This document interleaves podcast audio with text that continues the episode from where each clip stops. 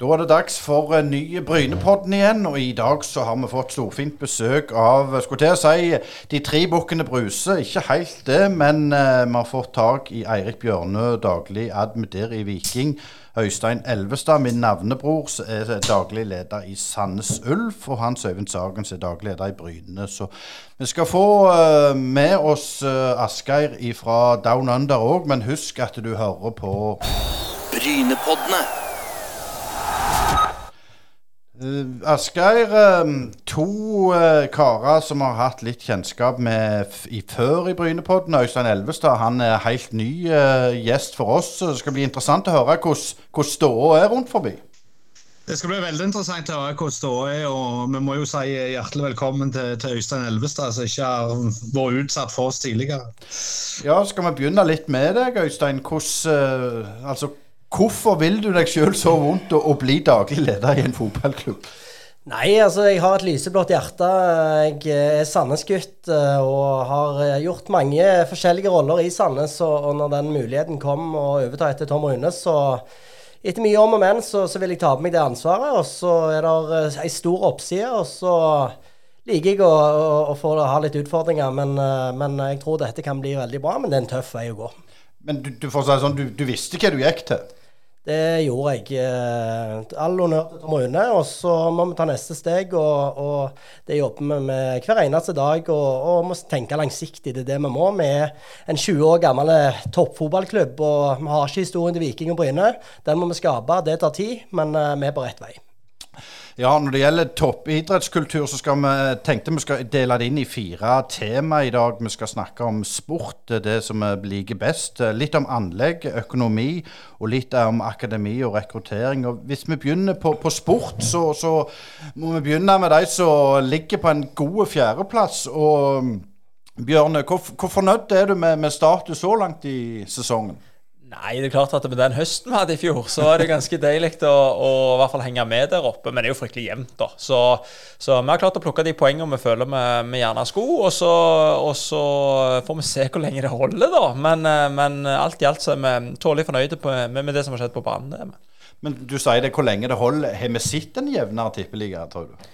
Nei, Eller eliteserie, som det heter nå. Nei, nå plutselig så får Strømsgods òg litt tro på det etter seier mot Bodø-Glimt i går. Så, så, da er det ganske mange lag som melder seg på bak der, og det er fryktelig jevnt. Og, og eh, det er mange lag som, som imponerer stort, syns jeg. Så, så, det er litt sånn alle slår alle her uh, utover, tror jeg. Og, og uh, det er jo det som er deilig med norsk fotball. Og så, så får vi håpe at det, at det varer. For, det, for, den spenningen den trenger vi når det er et lag som er så suverene i, i, toppen. Så, så er det godt at det er en sånn reell spenning om, om, om de andre plassene plassen. Ellers hadde det vært, vært kjedelig. Nevner den høsten i fjor. Er det, er det noe som ligger langt inn i, i margen, at du er redd det blir likt? Nei, ikke i det hele tatt. Hvis jeg hadde gått rundt og vært redd for det, da hadde vi vært i, i, i, i, trøbbel. Men, uh, men, det er klart at vi vil jo unngå det for enhver pris. Men, men, det er ikke noe vi bruker veldig mye energi på. det er ikke. Eh, Hans Øyvind, hvordan vil du si dere ligger an i forhold til, til mål og ambisjoner? Henta inn litt før sesongen. og så har det vært, vært en del skader som har gjort det litt trøblete? Ja, vi har hatt noen skader. Vi skal ikke skylde på det. Eh, vi har en bred tropp og, og, står på, men uansett hvordan en snur og vender på det, eh, så har vi per i dag ikke Vi ligger ikke på den plassen vi har lyst til å ligge på. Vi har lyst til å være høyere. Vi har lyst til å kjempe på øvre del av Obos-tabellen. Uh, begynte veldig bra, uh, og så ramla det de, eh, de, fire neste, de fire nest siste seriekampene før vi reiser oss igjen mot, mot Hødd. Så nå uh, håper vi at vi har snudd og kan få to gode resultater fram mot ferien. For, for dere, Elvestad, hva er status? Nei, det har jo vært litt opp og ned. Litt sånn som det var i fjor. Uh, var inne i en eh, dårlig periode nå med tre tap på rad. Fire hvis du tar med cupen. Så, så, vi må snu den pila raskest mulig. Det er tett eh, nede i bånn. Eh, ikke mer enn fire poeng fra, fra sisteplass, og det er kort vei opp òg. Men per nå så, så, er vi ikke bedre enn det vi er, og så må vi jobbe hardere enn de andre lagene for, for, å snu det nå allerede mot eh, Åsane på, på, lørdag. Men sånn som du som er litt ung, yngre daglig leder, merker du at det er du, på huset at det er litt sånn trykka stemning når det går litt på, på tverke sportslig? Nei, Bjarne er en eh, ringrev. Han har vært i dette før. Han kom jo inn og tok over Sandnes Ulf når vi var i bånn. Eh, nå er vi i bånn pga. resultatene vi har hatt i år. Men vi jobber veldig tett målretta som team på huset. og vi får jo med oss hva media skriver, hva supportere skriver, men vi må stå sammen i disse tidene. Så jobbe knallhardt, så, så, tror jeg at vi kan få en, en bra lyseblå sesong. Jeg skal øve litt til, til jentesatsinga, for det har jeg lyst til å si til, til, til Bjørne. Hvordan, der leder jo eh, eh, Viking i, i, til tabellen. og hvor viktig det er det å få, få, på en måte deg med i dette prosessene? For dere har jo valgt en strategi, hvis må du ta meg hvis jeg sier feil, at, at de er under Viking FK og ikke under Viking toppfotball. Fortell litt om hvorfor og hvordan du ser på, på sesongen deres så langt. Ja, Først og fremst er det jo ett Viking, eh, og hvordan ting er organisert. Det er vel mer på papir enn hvordan det er i hverdagen. Men, men vi har valgt liksom en organisasjonsstruktur hvor, hvor den gjengen eh, i, i, i, FK følger damene tettere opp for å sikre dem best mulig oppfølging. Så, så er AS eh, tungt inne både med, med, økonomiske midler og den kompetansen vi har ellers i klubben til å bidra til at damene tar de løftene de må, ikke bare på banen, men også rundt dem. Så, så, det er mer en sånn organisatorisk vri.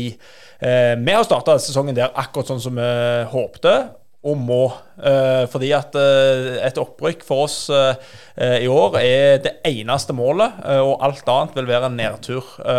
så ærlige må vi være. Vi, putter mye midler inn i den damesatsingen. Vi har valgt å gjøre det på vår måte. Vi har valgt å bygge det fra bunnen av med de jentene som vi har. Og så har vi fulgt på litt nå før sesongen, og kommer gjerne til å følge på litt i, i, i sommer òg for, for, å gi oss best mulig forutsetninger til å klare det opprykket. For det, det er nåløyet opp til toppen av, eh, av eh, den pyramiden eh, for, for, damene. Det blir bare trangere og trangere. Og vi ser at med, med Molde, som, som fighter virkelig sammen med nå, nå, i år, og Odd og, og andre som, som, som, har lag i den divisjonen, de, de, er nødt til å komme opp for at vi skal klare å, å skape en bærekraftig damesatsing. Så Derfor er det det vi, det vi gjør i år på, på, på damesida det er nødt til å ende opp med, med, et opprykk. Eller så blir det, blir det en skikkelig sånn um, skuffelse først, tror jeg. Og så, og så, må vi rett og slett se hvordan vi skal drive dette framover. Så, så det, vi legger press på oss sjøl akkurat der, og, og det har òg Molde gjort. Og så får vi se hvordan det, hvordan det ender til slutt. da.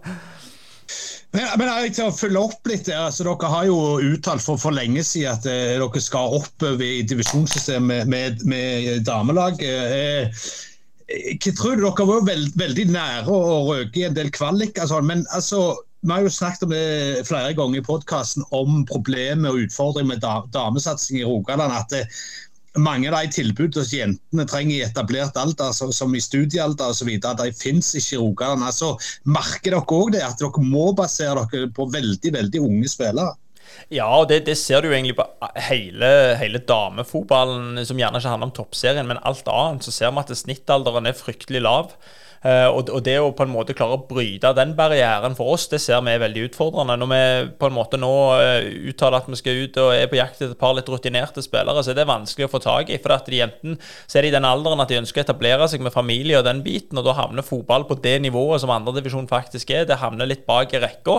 Og så har vi ikke studietilbud og sånn i Stavanger som gjør at vi tiltrekker oss alle de kandidatene som heller ønsker å studere i Bergen eller Oslo. Sånn at det er en veldig sånn sammensatt bilde. Men det er en, en utfordring som en vi nødt eh, til å ta sammen i rogalandsfotballen. Jeg har ikke noen fasit på det her og nå, men at vi sammen må jobbe for å løfte damesatsingen i regionen og kunne gi tilbud òg til de aller aller beste, det er helt avgjørende for at vi skal klare å, å ta steg som, som, eh, som region òg på, på, på damesiden. Og det nedrykket til Klepp var jo ikke heldig for verken oss eller for damesatsingen generelt sett. Sant? For at det er så mye talenter som forsvinner ut av regionen, og det er vanskeligere å få ei fra Stabæk på lån enn det er ei fra, fra, Klepp på lån. Så, så, det, så, det, er en sånn en, en, problemstilling som vi er nødt til å ta på alvor, og som vi er nødt til å faktisk finne en løsning på, og ikke bare snakke om.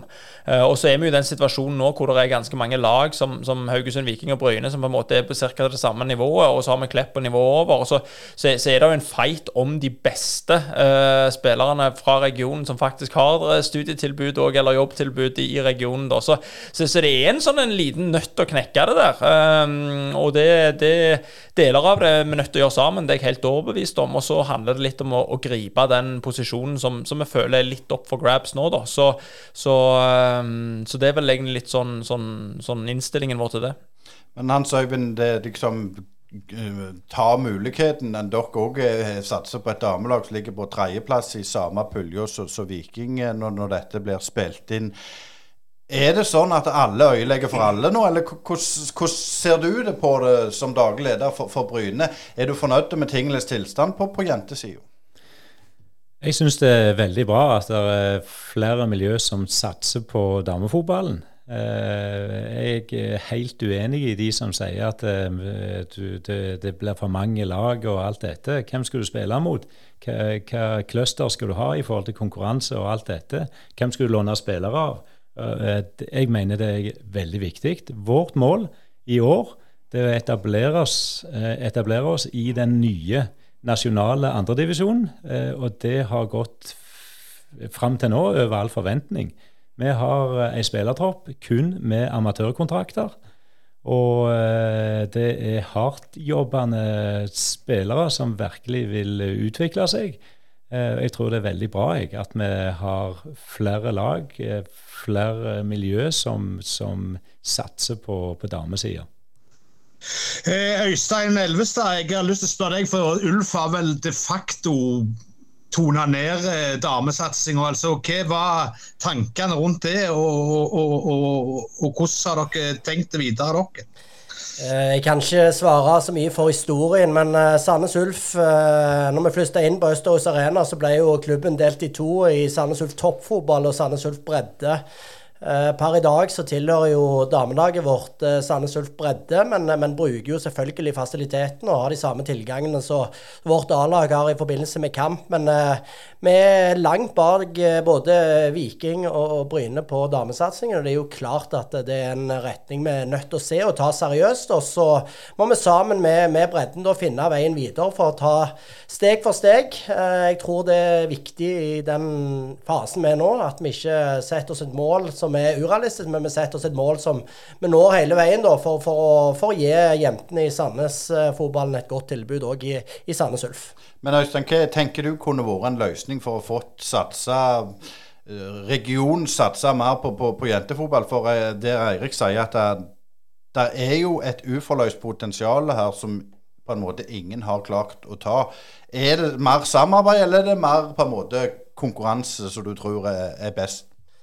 Det er et veldig vanskelig spørsmål å svare på. Jeg, eh, per nå så må vi konsentrere oss om der vi er, og i det hierarkiet. Og så, så hører jeg jo hva, hva Bjørne og, og Hans Øyvind sier, og deres mål. Men vi må, vi må per nå så må vi lære av de hva, de, hva de har gjort, og så må vi ta steget ut fra den lærdommen der. Eh, For, for damene tar vi seriøst, og, og det skal vi òg vise i framtida at vi kommer til å gjøre.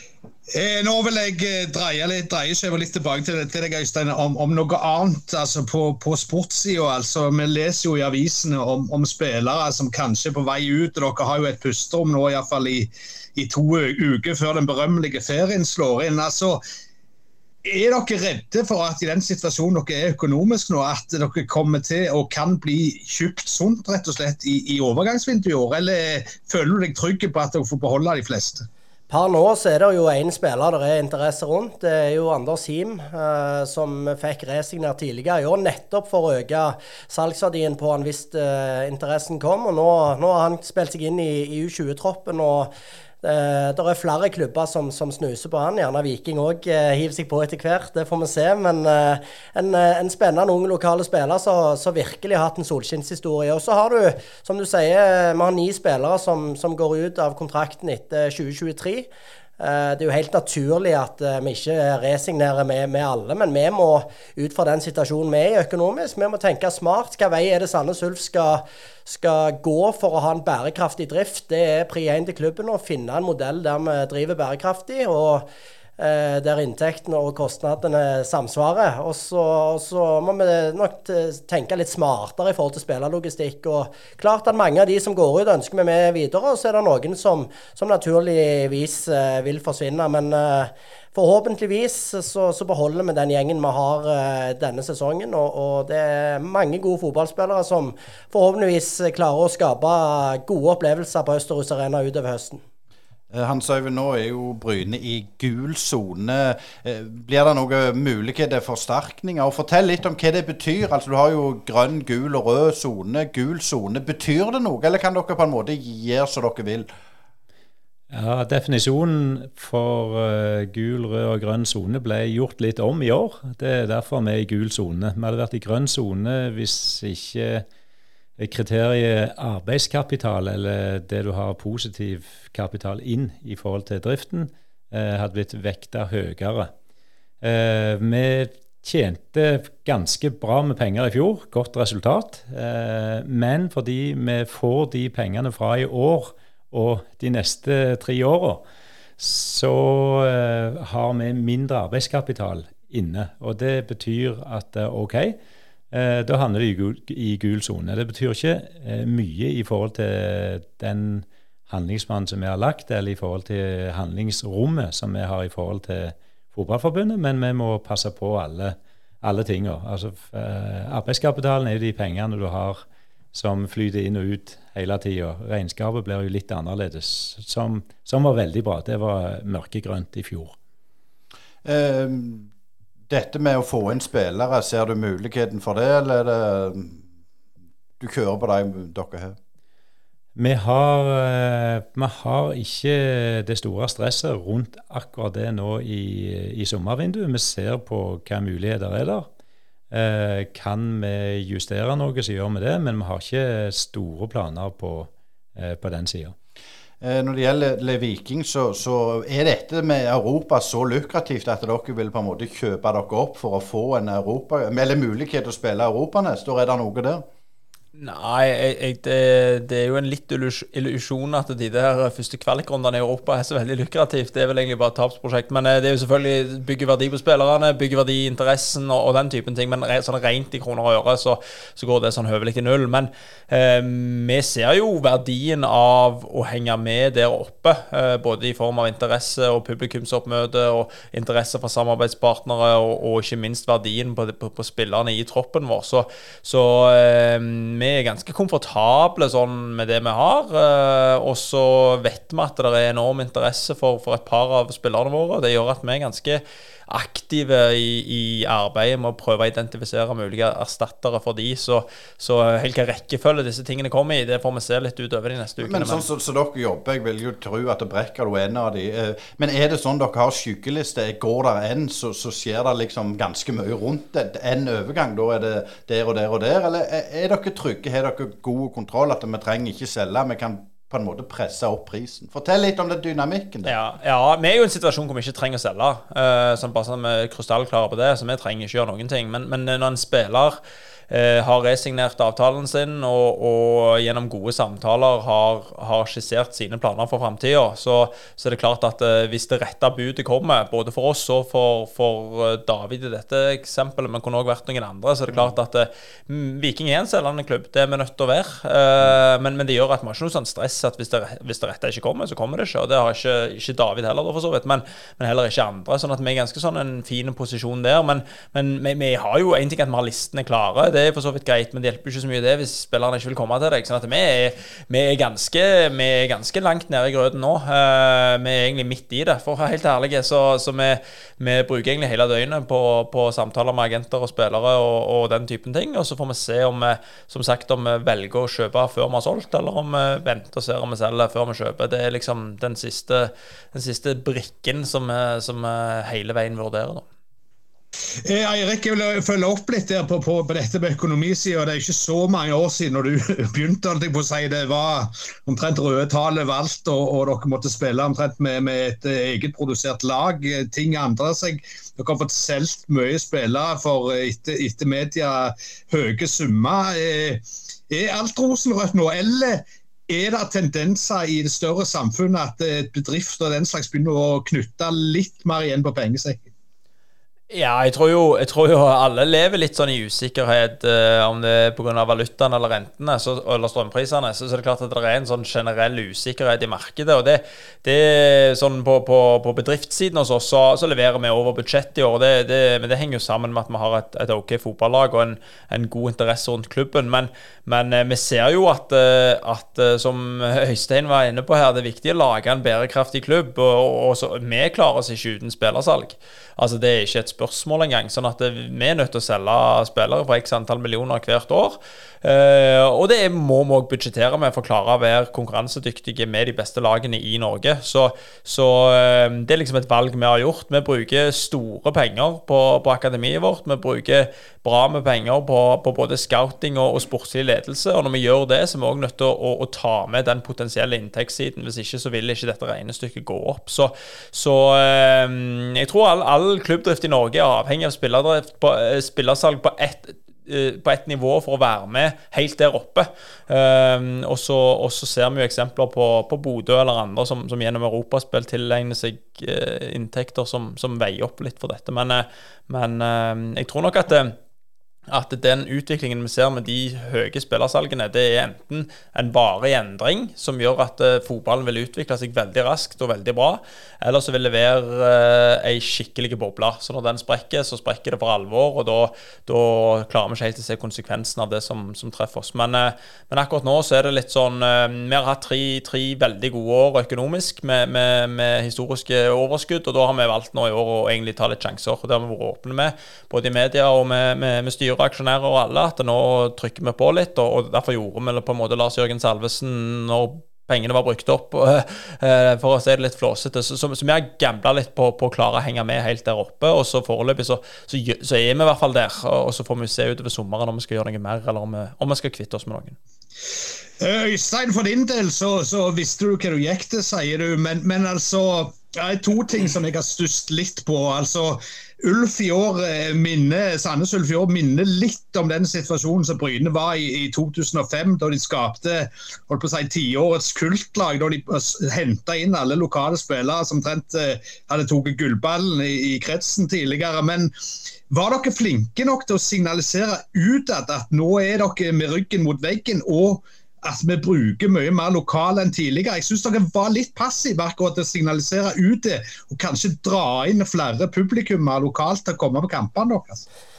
Det er jo, så Vi har jo uh, hørt opp gjennom at vi har for få lokale spillere. Nå har vi et, uh, et, lag og en tropp med veldig veldig mange lokale spillere. Men fotball det handler om resultater. Det handler om å vinne, spesielt hjemmekampene. og Eh, Bjarne er jo veldig flink på å satse ungt og lokalt, og ikke minst gi de sjansen. Det gjorde han i Viking og bygde det, det opp der. Og når han kom til Sandnes òg, så, så, så, har han hatt veldig fokus på det. Det første Bjarne Berntsen gjorde når han kom, eh, ble ansatt i Sandnes Ulf, var å gå og se juniortrening og hilse på alle, håndhilste på de, og Det setter et signal eh, i hele klubben. og Det har han virkelig fulgt opp, og der har Bjarne vært flinke. Og, og nå har vi jo tatt opp masse unggutter fra Sandnes Ulf 2 junior, som nå er en del av av, av, av troppen i, i, 2023, og mange av de har fått mye spilletid. Så for å svare på det du spør om, så ja, vi, vi, vi kunne sikkert eh, det enda mer enn det vi har gjort, men eh, det aller viktigste er å vise over tid at vi satser ungt og lokalt. Og noen andre valg har vi heller ikke nå, med tanke på den økonomiske situasjonen. Så unge spillere i regionen nå som har ambisjoner og, og, og har lyst til å spille på et høyt nivå, så er det store muligheter for det i Sandnes Ulf eh, framover. Eh, litt innom denne med grønn og gul sone. Viking er grønn, Bryne fikk vi fortalt nå er gul. Og hvorfor Sandnes Ulf er rød, Øystein. Hva betyr det for den daglige drifta for å hente spillere? og sånn? Fortell oss litt om hvordan den mekanismen er.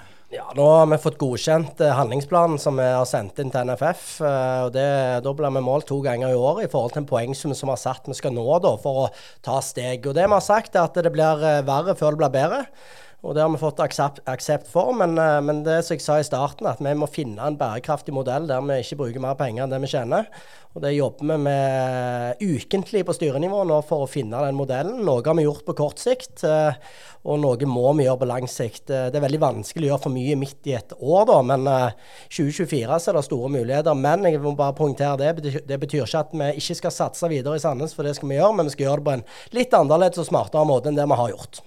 Og Da er det jo litt sånn over til neste bolk, for da er det liksom anlegg. Og der eh, Sandnes Ulf har et, et, et, nytt og flott anlegg, så har eh, Bryne ikke det, uten å si noe mer enn det. Det er gammelt ærverdig. Mens Viking Dere Erik, også begynner vel gjerne om å tenke på litt rehabilitering, eller ser det greit ut? Og hvordan er den biten der det er jo SR-Bank Arena det heter nå, osv., osv. Men fortell, gi oss en liten statusoppdatering hvordan det står. Etter vi la om til, til kunstgras i, i, 2018, så er det klart at vi har, uh, vi har fått 1500 brukstimer på kunstgraset vårt uh, inne på stadionet. Det gjør jo på en måte at garderobeanlegg og alt, annet, alt, annet er jo et, under et helt annet press. Så, så de siste tre-fire årene så har vi brukt uh, ganske mange millioner på å pusse opp både garderobeanlegget og, og, ikke minst resten av stadionet, egentlig. Så når vi har hatt gode år, så har vi valgt å investere det i å, i å øke verdien på, på, på, eiendommen vår. Men vi ser jo først og fremst at vi, vi trenger en bane til. Vi har ikke, vi har ikke nok banekapasitet. Så, så vi, vi, sliter virkelig med å, med å levere gode nok treningsfasiliteter for, for akademilagene våre. Så, så, det er et stort satsingsområde, i tillegg til at vi, vi rett og slett trenger flere garderober uh, og, og, den biten. Så, men, men, det er mer en sånn utviklingsfase, på en måte. Det er ikke det at det er akutte behov, for de akutte behovene har vi egentlig, har egentlig uh, demma opp litt uh, med, gjennom, å, gjennom, å, bruke noen kroner hvert år på, på vedlikehold av stadion. Men så er det jo det med, med tanken når det går over ende, så kommer enten rike onkler eller banker eller kommuner og, og, og dekker over. Når du ser, sitter her nå, kunne du tenkt deg at det ble regulert på en litt annen måte, eller er det bare sånn, sånn det blir når det er såpass mye penger involvert? Jeg, hva tenker du på? Jeg tenker på at det, det er jo mange klubber som ikke klarer å holde de økonomiske forpliktelsene. Altså, Viking gjorde det jo, Sandnes sliter jo nå, du hadde Start. altså Der bankene overtar, og så får de leie seg inn. Er det for enkelt å så bare satse, og så går det ikke, og så tar andre regninga? Oh, det er et stort spørsmål. og eh, jeg, jeg, tror ikke det er noen som kalkulerer med at det er noen som kommer til å ta regningen. Når vi sto i den situasjonen i 2017, så er det jo to telefonsamtaler fra at du går konk, liksom. Og det, det er jo ikke noen kjekk situasjon. Så, og da hadde jo SR-Bank sittet mens de har pant i stadion, de, men, men altså, de, de, de, hadde jo sittet med en stadion uten et lag som kan spille på den. Så det blir jo en sånn håpløs, håpløs greie, egentlig. Så jeg tror ikke det er noen som gambler på det. Uh, og, og, jeg vet ikke De kommunale anleggene og disse tingene kjenner jeg for lite til hvordan, hvordan fungerer. Men, men, men, eh, jeg tror ikke det er egentlig noen som spekulerer i den typen ting, så jeg vet ikke hvor stort det problemet egentlig er. Eh, Hans Øyvind, eh, vi må ha litt status på, på det gamle ærverdige, som Øystein kalte det. Det er, jo, det er jo, mest, det er rett før det går med C-frakkregister og blir freda hele Bryne stadion. Men eh, hva er status der med, med denne ståtribunen og, og utbygginga i Klokkesvingen? Ja, Vi kan jo først og fremst si at i forhold til anlegget til Bryne, så har vi en av Norges fineste gressbaner. Og vi har oppgradert kunstgrasanlegget vårt, så det er helt på plass fra i fjor.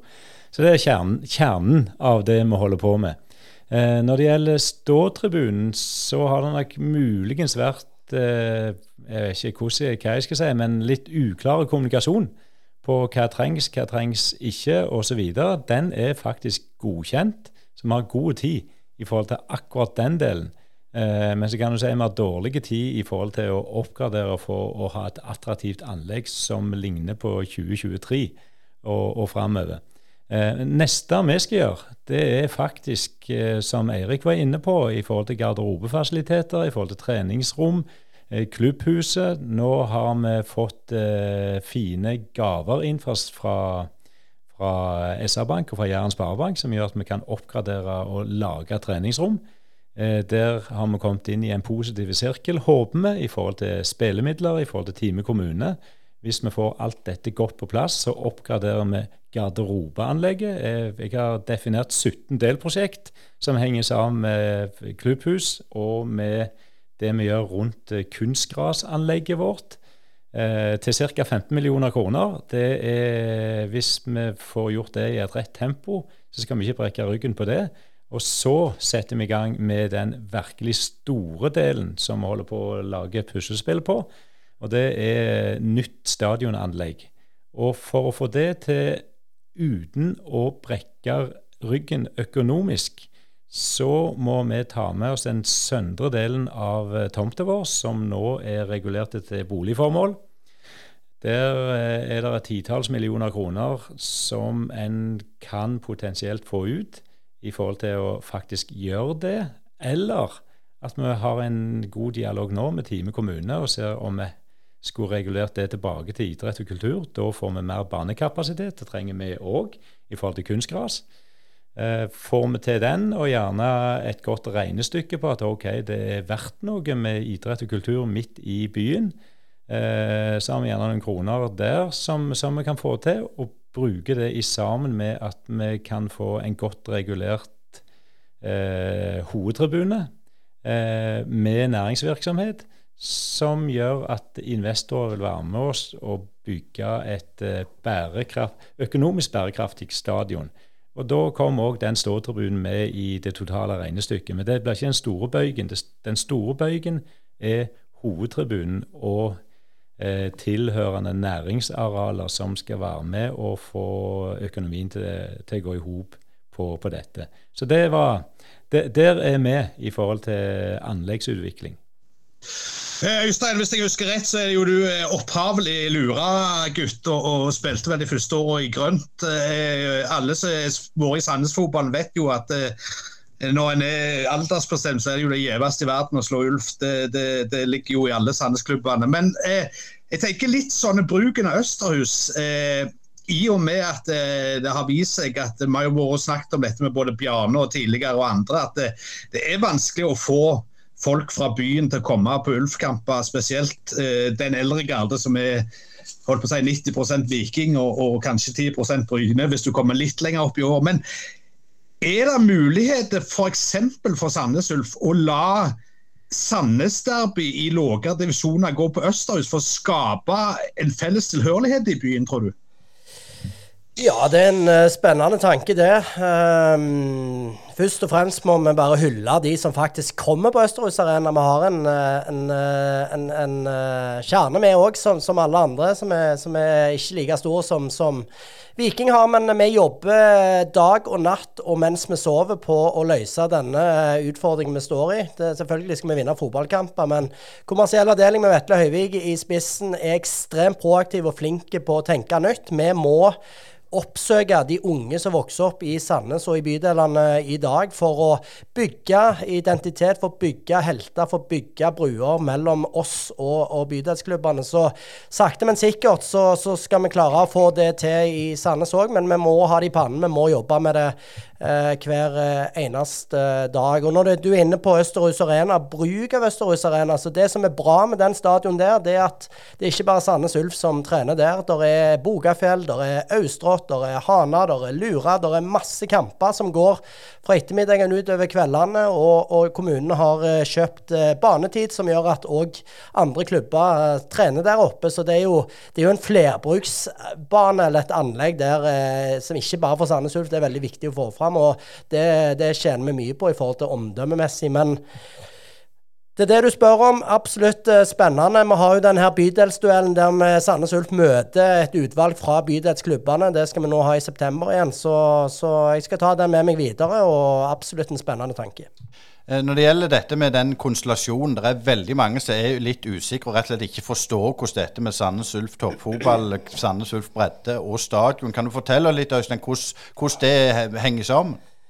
Ja, det skjønner jeg godt. Det har jo vært eh, medieskriverier om enten arena eller toppfotball eller hva det er. Så det er jo Arena, Sandnes Ulf Arena som drifter anlegget. Og så er, klubben splitta i to i en sånn allianseavtale der eh, Sandnes Ulf toppfotball eier 49% mens Sandnes Ulf bredde eier 51 og Grunnen til at fordelingen er sånn, er at hvis toppfotball skulle gå konkurs, så går det ikke utover barn og unge og Sandnes Ulf bredde-biten. Uh, Arena hadde en del utfordringer i fjor i forhold til strøm og økte kostnader. Uh, det skjønte jo ikke alle, de trodde det var oss. og Nå i det siste har det stått mye om toppfotball. Eh, så har det vært en del om, arena, og, og, jeg vet jo at, at, barn og unge og foreldre i breddebiten tror jo at det påvirker de, men det handler jo ikke om de. Det handler om eh, problemer i enten arena eller toppfotball, det som har stått i det siste. Så, så det, det, har vært, vært, mye negativitet rundt både arena og toppfotball, og så, så, er jo det to forskjellige saker, bare for å få fram det. da. Med toppfotball vi jobber vår sak, og arena de har et eget styre og et eget eh, AS som de, eh, som de uh, jobber med sine utfordringer. Og Nå legger vi bl.a. solceller på Østerås Arena, på taket. Så det er jo et av de grepene vi gjør da. Jeg tenkte, Vi hadde jo Eirik Nevland her for, uh, i Brynepodden for noen uker siden. Jeg tenkte å spørre deg, Eirik, er, og det er litt som du òg er inne på, Hans Øyvind. Er det utfordrende å nå ut med budskapet på en måte? Altså, sånn er det faktisk kanskje det mest utfordrende av alt. Og jeg tror gjerne da jeg var her sist òg, så, så, var vi litt inne på dette som, som, som, går på Det er så mye du vet som du ikke kan si. Og når du har på en måte det i bånn, og skal prøve samtidig å kommunisere klart og tydelig, så er det vanskelig.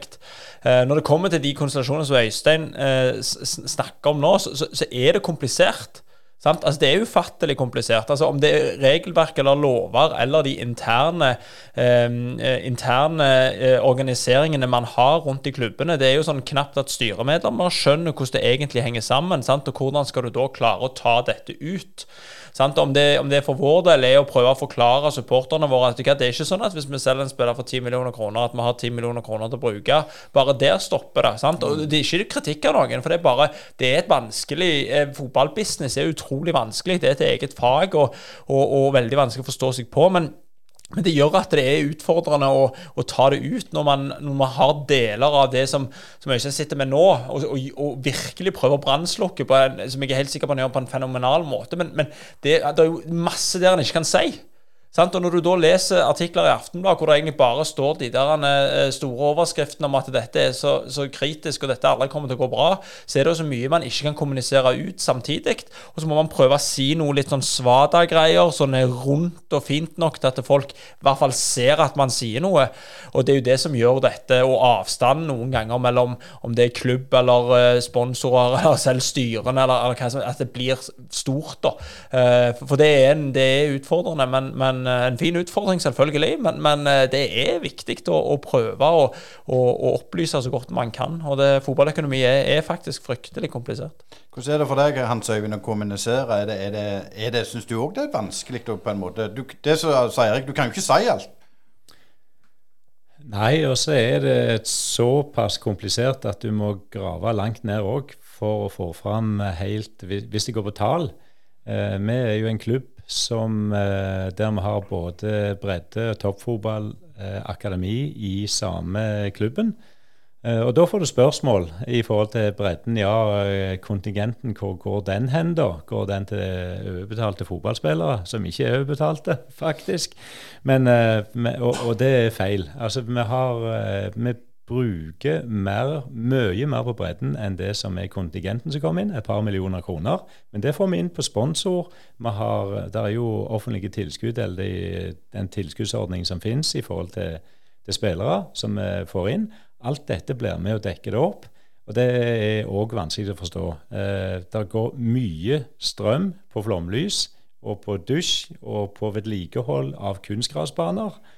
Uh, og det er òg en del av regnestykket på totalen der. Så det, Men bare avbryt deg, Hans Øyvind. For dere, dere, har valgt en litt annen uh, kall det si, jeg får til å si Hvis vi bruker fotballterminologien, tallkombinasjon. For dere er bredden, damene og toppfotballen altså i ei klynge. Er det, er det bevisst, eller er det bare på en måte alltid vært sånn? Det er bevisst ut fra den strategirunden vi hadde i fjor. Toppfotball hos oss, det er kvinner og menn og, og vi har bredde, og vi har ungdomsakademi. Så bygger vi inntektsgrunnlaget opp rundt det òg. Vi lager egne produkter opp mot eh, kvinnefotballen og mot eh, A-lag menn, som har alltid vært, men òg mot ungdomsakademi, og ikke minst mot bredde- og samfunnsrettede prosjekter. Eh, du kan gå inn på klubbnivå, men vi har òg spesifikke prosjekter på hver av de områdene. Det ser vi resultater av nå etter hvert. Ja, da, der var Nå er han eh, Asgeir tok oss og lagt på Nei, han er der. Jeg skal bare kjøre en liten promo. Vi tar uh, litt pause med. Du hører nå på Brynepoddene.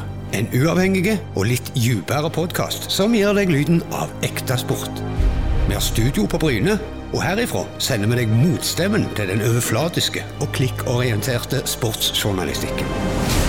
Gå inn og se i vår nettbutikk på Bryne Paddene med dobbel a.podbean.com, og følg oss i sosiale medier.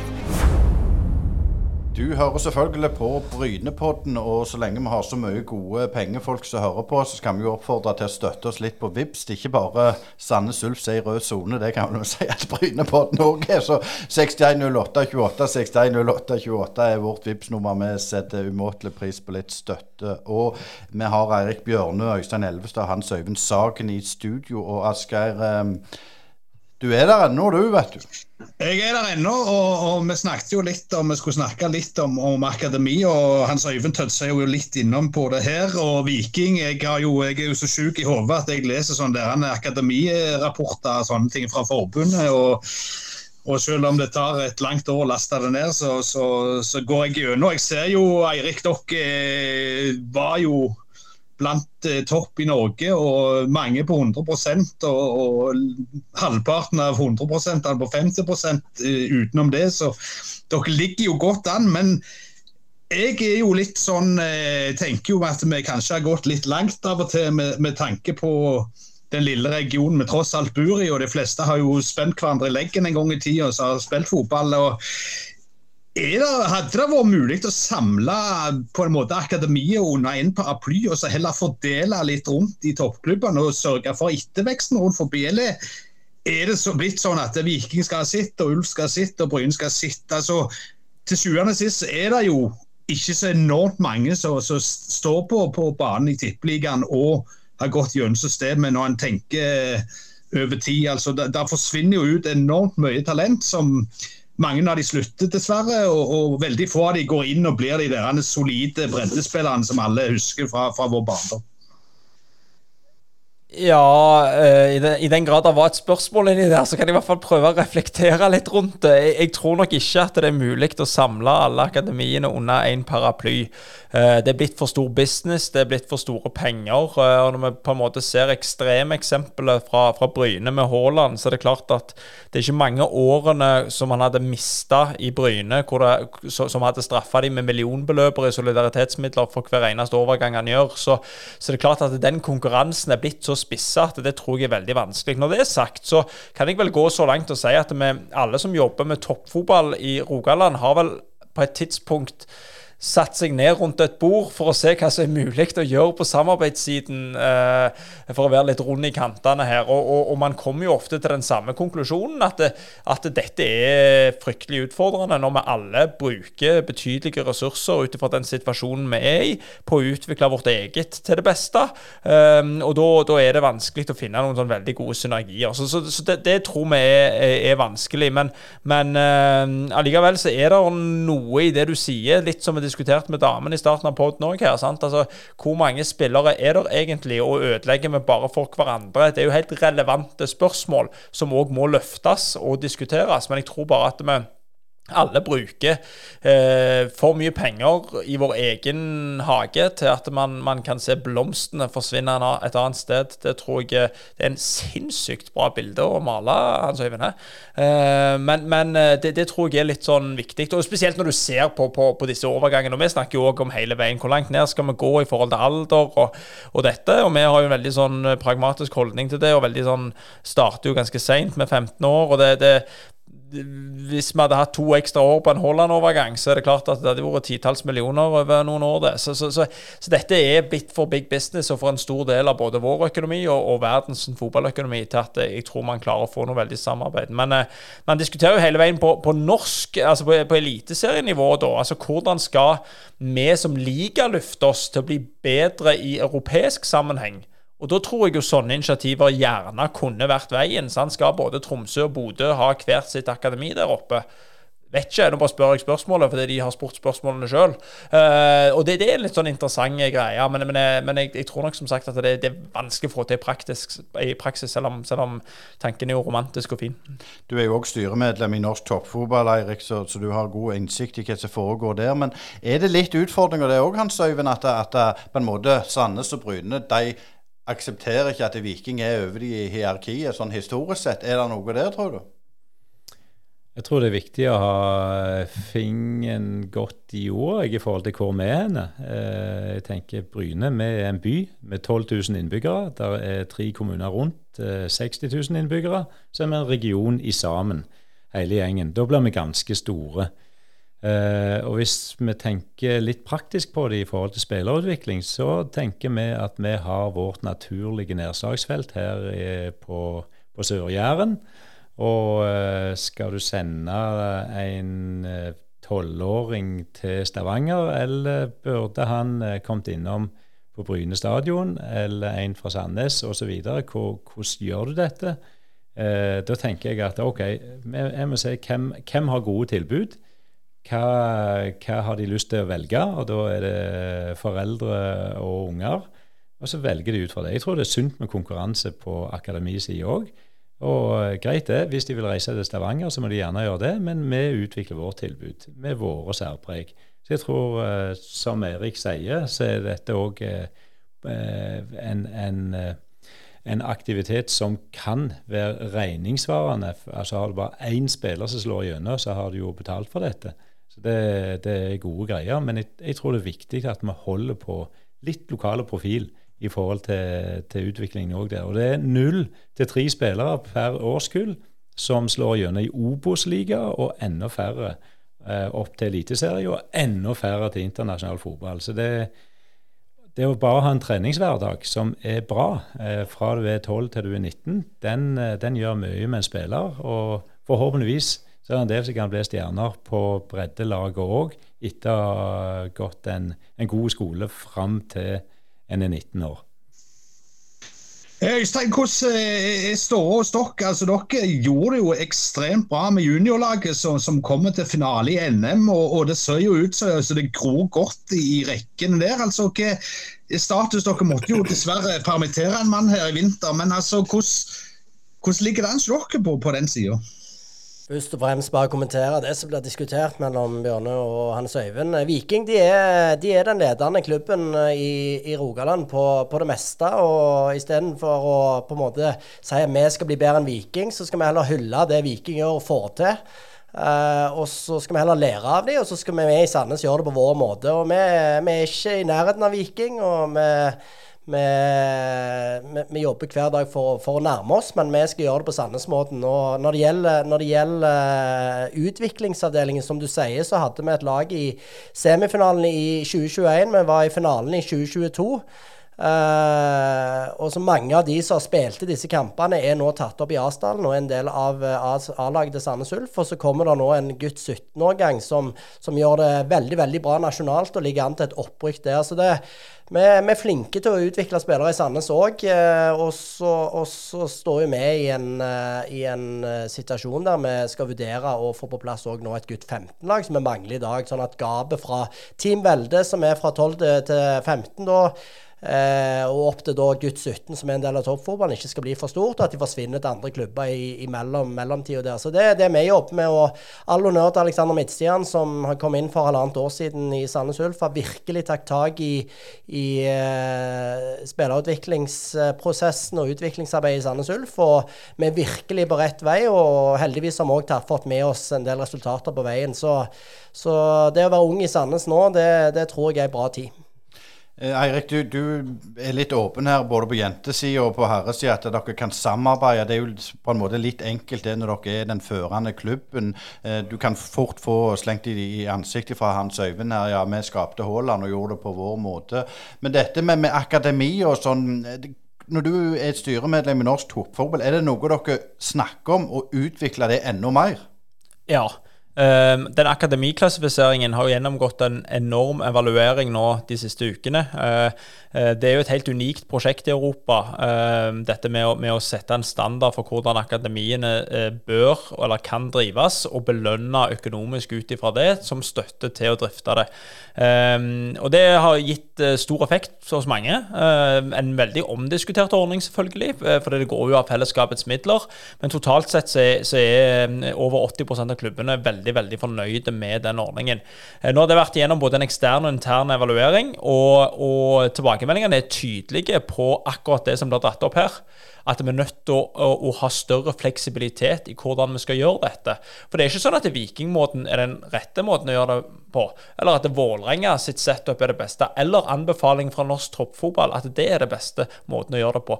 Men det at det blir satt fokus på det, at det blir ressurssatt, det at man faktisk tar disse stegene ut ifra hvilken eh, situasjon man er i sjøl, og, og, bruker penger på akademiet for å utvikle lokale talenter, det er det som er viktig, og det er det som er målsetningen med klassifiseringen. nå Resultatene fra den er tydelige. At det, at det er det man et, et, et, flertall av klubbene på en måte søker. At ok, hvordan kan vi utvikle dette videre for å gjøre det på vår måte? For, for å finne vår egenart, vår identitet. og eh, Det tror jeg er helt avgjørende for at man skal få til akademiarbeidet, og eller klubbdrift som helhet. sant? Det er jo det er mange som har ringt oss og sikkert til Bodø og, og spurt ok, hva gjør dere utenfor banen for å skape sånn engasjement, hva gjør dere der for å skape sånn? Og alt eneste råd du kan gi, er bare å finne ut hvem du er og gjøre det. Sant? For hvis man hele veien skal prøve å kopiere noen, så har du ikke sjans. Sant? Og det, det, det, er liksom Hva på anleggssiden er det Hans Øyvind kan gjøre for å utvikle Bryne? Sant? Han har identifisert det. Det nytter ikke å prøve å kopiere SR-Bank Arena eller Intility eller noe sånt. og Det er ikke fordi det er så mye bedre, men, men det er bare forutsetningen er jo annerledes. Så hvordan kan man gjøre best mulig ut av det man har tilgang til sjøl? Det tror jeg er helt avgjørende. Om det er i akademiarbeidet eller i, i, i klubbdriften som helhet. For vi er jo unike klubber her. Sant? Så mm. spiller vi i, i, et, i, en liga som ønsker å utvikle seg, selvfølgelig, men, men det er jo den egen egenarten på de unike plassene som gjør at det er interesse for norsk fotball. og Det må vi òg ha med i akademiarbeidet. Eh, Hans Øyvind, eh, det, er ikke, det er jo ikke din feil, men Bryne kommer jo ganske seint i gang med, med dette akademiarbeidet sitt. og begynte vel å ta steg omtrent eh, på den tida der du kom inn så, som daglig leder. Eh, dere har jo økt um, arbeidsstokken ganske kraftig på sportssida. Altså, og jeg går ut ifra det er et ledd i å komme opp på det berømte to stjernene. Altså, hvordan ligger det an hos dere med, med, den trappemodellen som dere har satt opp på, på akademisiden? Ligger bra an der. Eh, det er ingen evaluering i forhold til stjerner i år. Det blir til neste år. Eh, og vi ligger vel ganske godt an i løypa til å få to stjerner. Så spørs det hvor mye vi skal ha sånn sett. Eh, ikke sikkert vi skal ha så mye mer enn de to stjernene der i forhold til vårt utgangspunkt og vårt grunnlag, og det vi skal drive på akademisida. Det er òg en, en grei vurdering. Litt sånn, Eirik, Du nevner det å få skape sin egen identitet. Nå var jeg nede og, og, og så litt på Ajax, denne her Future Cup. og dette her, Det er jo et maskineri av dimensjoner. Så tenkte jeg litt det som du sier der. Dette hadde aldri funka på Bryne, aldri funka i Stavanger whatsoever. Eh, Tror du den norske modellen kan på en måte være god overalt, eller er det bare tilfeldig at det er folk som må på en måte dyrke det fram lokalt? Nei, hvilken norske modell? Den norske idrettsmodellen? som Nå tenker jeg på den akademimodellen. Ja, den, den, tror jeg at uh, treffer ganske bra i Norge. Jeg tror uh, han hadde truffet ganske bra i de andre, de andre nordiske landene, som har en sånn høvelig likt uh, utgangspunkt sånn rent kulturelt og, og mindset-messig. Men, men jeg tror ikke dette er noe vi kunne satt inn i noen andre land. Og når vi på en måte har skapt den, så har man jo reist rundt i Europa og sett på de ulike klassifiseringssystemene som finnes der ute. For alle har, eller ikke alle, men de fleste ligaene har jo en eller annen form for dette, men gjør det på, på en helt annen måte. og gjerne en kall det mindre helhetlig tanke enn det som, det som blir gjort her. Mm. Uh, så, så, jeg tror nok ikke det hadde funket overalt. Det tror jeg ikke.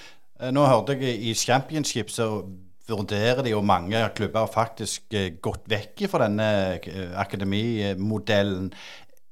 Altså, det er jo det med tanke på at det er så kjapt at du skal opp, du skal rykke opp på første forsøk. Hvis det ikke det går, så ja. Tror, ser du noe sånn faremoment i Norge òg? At det liksom alle skal, skal rykke opp? At det blir et jag, og at de ikke tenker langsiktig? Ja, Nå skal ikke jeg nevne hvilken klubb det er, men jeg, men jeg har hatt en, en samtale med en, en klubbleder for, for, for, en av eliteserieklubbene. Og, og, de kommer nok med all sannsynlighet til å gå vekk ifra å ha et akademi. Eh, fordi man, de mener at, eh, at, veien til suksess gjennom det er mye lenger enn ved å bruke de pengene på å kjøpe spillere. Og så Om det blir sånn til slutt, det vet jeg ikke. Men, men, men, eh, men, det er litt som du sier, hvis du ligger og vaker mellom Obos og Eliteserie, og du liksom får det ikke helt til å stemme sånn over tid, så, så, kan man jo argumentere for det. Jeg tror jo ikke det er veien å gå, da. Jeg tror jo at man, man er nødt til å bygge noe som, som er langsiktig, og som er minst like viktig for å bygge identitet i og rundt uh, klubben. Uh, Manchester City trenger ikke et akademi. Altså, det de, de, de, ingen som må lures av det. Sant? Liverpool trenger det ikke, men det er klart de har det. For det at det skaper en tilhørighet for spillere på veien opp. Ja, så får du en Alexander Arnold og en gang i skuddåret, eh, og det er fint, det, men, men de kunne òg kjøpt han. Altså, når pengene ikke betyr noe, så, så, trenger man heller ikke den biten, men de velger å gjøre det fordi de utvikler trenere, de utvikler spillere som spiller på lavere nivå, til å trene på lavere nivå, som gjør at fotballen som helhet utvikler seg. Eh, så, så, så det er en sånn en en balanse det der på, på, på, hvor langt man skal dra den der strikken. Men eh, jeg tror jo at, eh, at eh, man skal ha en akademisatsing. Det tror jeg er helt avgjørende. Øystein, du er jo selvfølgelig et sånn egenprodukt fra Lura der som sprang og spilte bort på jorden og, ble en, en, en, veldig god fotballspiller. Men det, sånn som situasjonen er hos dere i dag, for å gå over til et annet tema. Klarer dere å tenke framover, eller er det bare så, så Eirik inne på at du står der med pulverapparatet og bare spyler av gårde hver time liksom, for å stoppe brannene? Eh, altså Vi tenker kortsiktig og langsiktig. Kortsiktig er vi helt avhengig av å tenke. Eh, nå har vi, som vi har uttalt tidligere i media, har gjort eh, de grepene vi mener vi kan gjøre på kort sikt. Vi har kutta til beinet på der vi kan kutte til beinet. Vi har nødt, av vært nødt til å permittere mennesker, og det går utover deres eh, vel og ve og økonomi, og det er jo aldri en kjekk ting å gjøre. Uh, mens det er jo først i 2024 vi må finne framtidens modell for, for Sandnes Ulf. For det er jo det vi jobber med i disse dager, på hvordan den skal se ut. Uh, jeg vil igjen påpeke, som jeg sa i stad, vi skal fortsatt satse i Sandnes, men vi skal gjøre det på en litt smartere måte. Men vi være mye flinkere når det gjelder spillerlogistikk, av spillerne vi får inn, av de, de, som eventuelt er rutinerte, som vi henter inn. Og så må vi ha fokus på å videreutvikle de som allerede er i klubben, og som er unge. Og hvis vi klarer det over et par år nå, så vil Sandnes Ulf ha et uh, slagkraftig lokalt lokalt, ungt lag eh, som forhåpentligvis eh, spiller publikumsfotball, og sånn at Østerhus Arena blir en kjekk plass å gå i helgene. Men, men, hvordan ser du på, på det, det, sportslige nå? Altså, Dere og Bryne ligger jo likt i antall poeng. Det er vel to, to minusmål i forskjell eller noe sånt. Men, men, så det er ganske jevnt i nedre halvleik. Eh, nå snart eh, ferien begynner. men når eh, begynner du liksom å, å, å få postjord?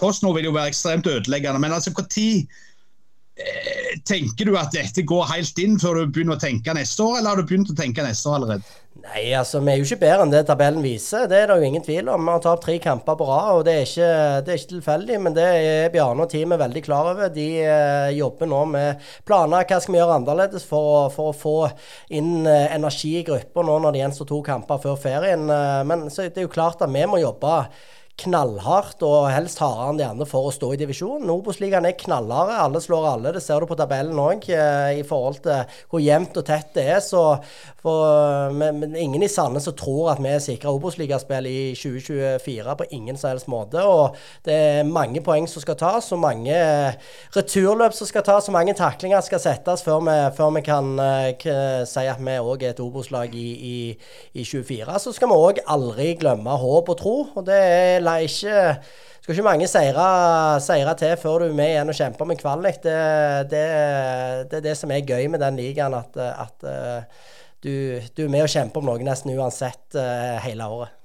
Jeg kaller på å si tro, håp og kjærlighet. Men hvordan er det på trenersida? Nå, nå, vet vi jo at, at Bjarne og, og, hele teamet hans er på utgående. Eh, i, I Bryne så har vel Knappen og co. Eh, et år igjen. Og, og, og, hvordan er det i Viking? Er det noe dere allerede nå tenker på å reforhandle? Eller hvordan er den dynamikken, eller venter en å se hvordan sesongen eh, utarter seg? Ta deg først, Hans Øyvind. Eh, fra vår side så er det sånn som du sa. Eh, knappen og trenerteamet har kontrakt ut 2024. Og da tar vi diskusjonen med, med den tidshorisonten hos oss fikk de vel ny i fjor, så jeg tenker vel at vi venter litt med det. Men, eh, men eh, vi har et langsiktig perspektiv på dette. Hvis ikke så hadde vi nok gjerne gjort endringer på høsten i fjor. Så, så vi ser langsiktig på det, på det, samarbeidet vi har med Morten Ibjørd. Ja, for det var liksom det litt en oppfølging. Du, du, du, du, er opptatt av langsiktighet med tanke på akademi og, og trenere og, og sportslig apparat.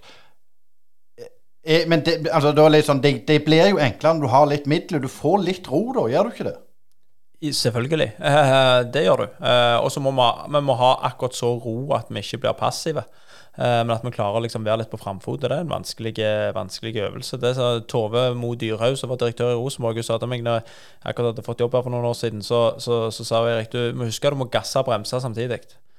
Altså det tenker jeg på ennå, skjønner ikke hva du mente. Men, eh, men, det er jo en, en, en mye sant i det, da. Sant? Du er nødt til å trykke til litt. Så, men vi har jo vi har langsiktighet i de tingene. Eh, men vi har jo et ekstremt kortsiktig fokus på at vi må slå Raufoss på onsdag. Eh, og det er liksom Hva skal til for å nå det? Er det å reise dagen før, eller er det å reise på kampdag? Altså, vi, vi skrur til alt vi kan. Det gjør vi. Men, men vi må ha liksom langsiktighet på de litt større tingene, tror vi. Sånn, sånn Cupen er ikke så interessant for, for, dere to andre som sitter her, Øystein. Eh, det gikk eh, på tverke. Men hvis vi ser eh, utfordringer, hvor er Sandnes om, om et år?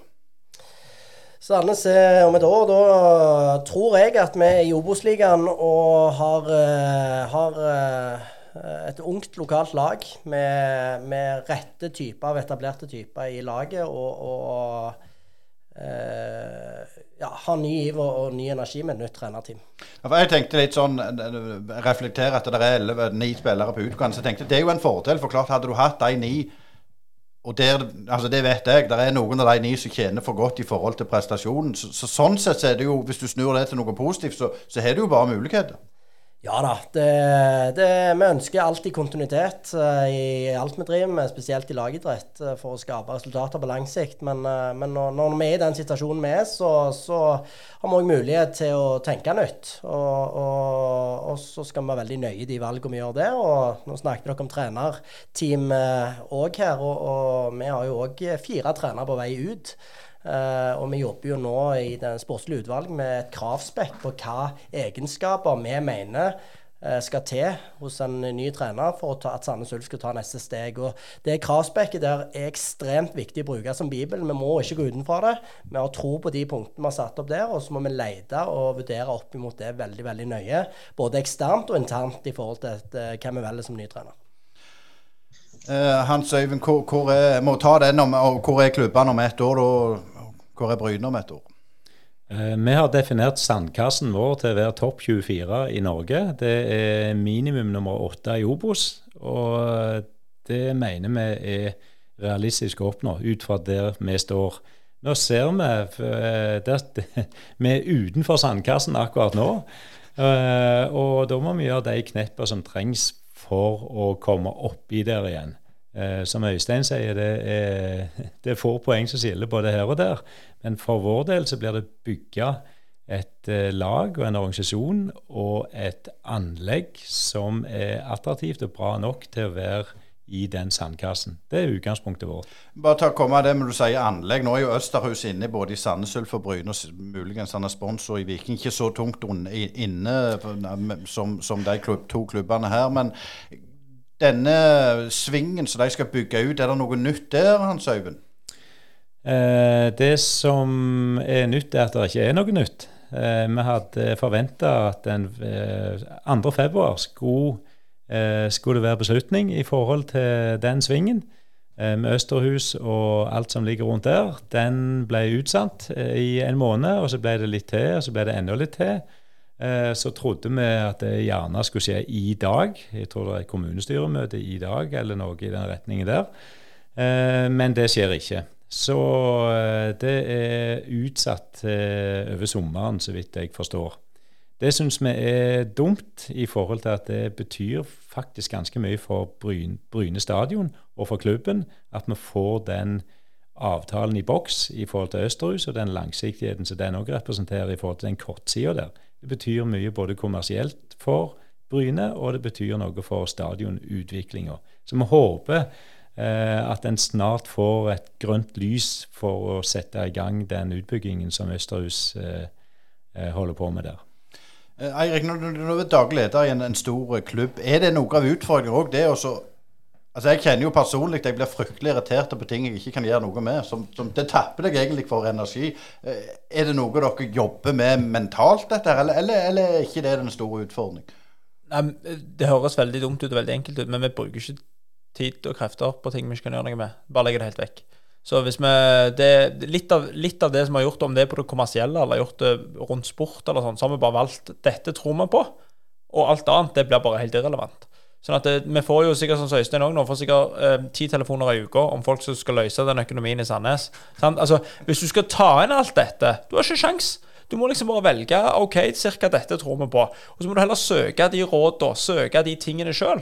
Og der prøver, vi alle som jobber i Viking å være flinke til heller eller gjøre det den veien, da. Men, men, sånne ting om det er eh, kommunale reguleringer Vi har regulert jo en utbygging til 250 millioner rundt stadion der. sant? Og eh, når det stoppet, så stoppet det. Men det var ikke sånn at vi satt og venta eh, på at nå kan vi ikke gjøre noe før vi får det igjennom. sant? At vi jobbet med andre ting, sånn som Hans Øyvind òg gjør. sant? Og når det faller på plass, så er jeg helt sikker på at han og Østerhus og alle gir gass gass på at det skal bli en god greie. Så, så egentlig så, så, må man faktisk bare prøve å stenge sånt ute. For at eh, man, man, det, er såpass mye å henge fingrene i at, eh, at eh, det nytter ikke å irritere seg, tror jeg. Nei, det er jo sant. Og det er jo en livsstil dere holder på med. All ære til dere for det. Men Eirik, hvor er Viking om et år? Hvis du hadde spurt meg for ett år siden, så hadde jeg sagt at vi skulle spille Champions League-kvalifisering denne sommeren.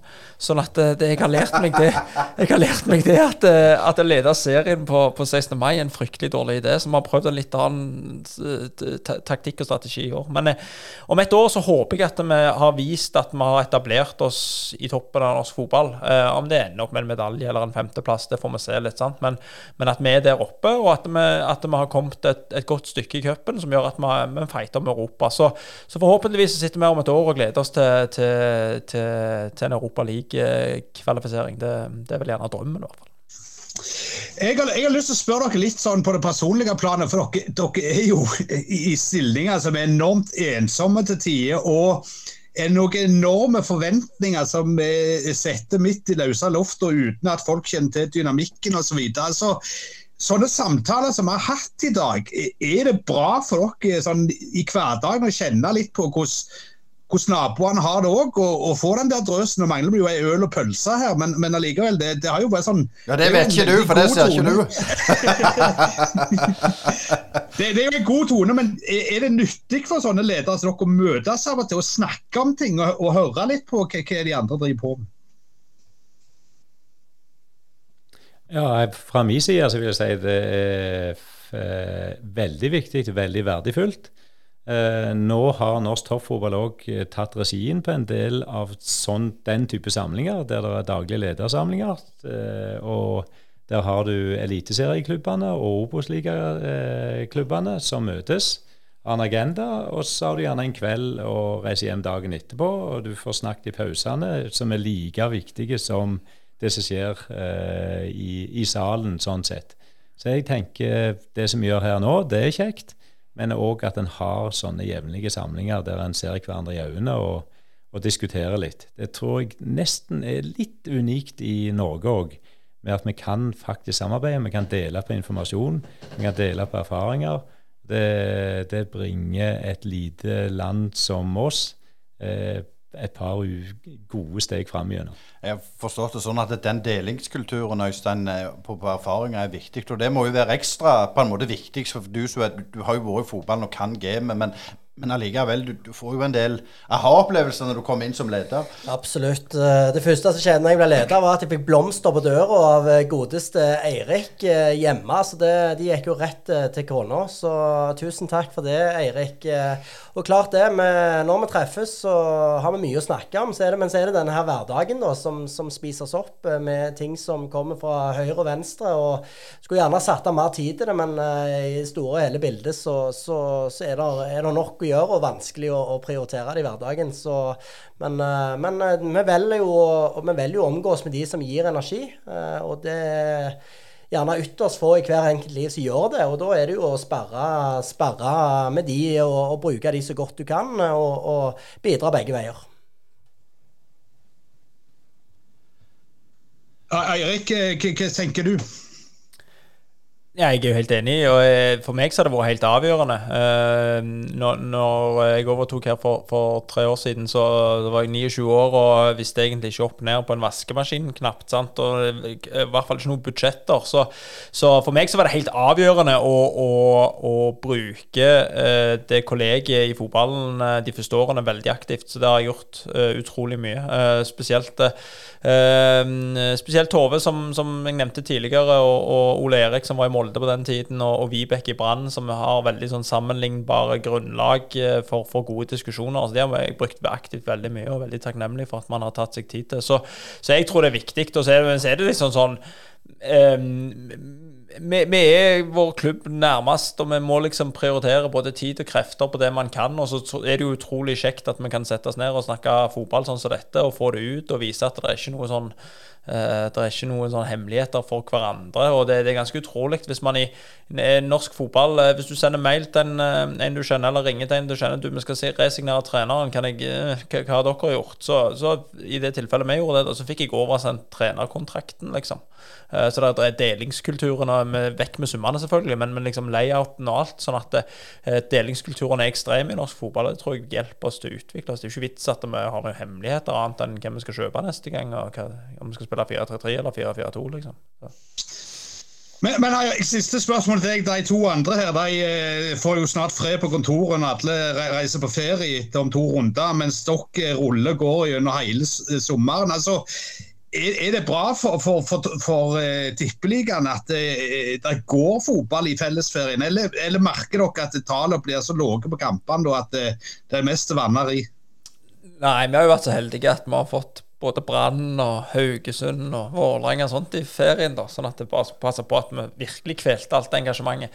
Så det er, det er alltid en diskusjon det der om du skal snu serien, ikke snu serien, og ha pause på sommeren, ikke pause på sommeren. Men det jeg har lært meg etter å ha fått vært litt i de indre gemakker noen år nå, så, så ser jeg jo at den hovedterminlista er helt umulig å få til å gå opp. Så jeg har bare tenkt at dette får jeg ikke gjort noe med. Her er det bare å spille kampene og så håpe at du får noen OK motstandere som gjør at, at, eh, det økonomiske tapet ikke blir så, så voldsomt.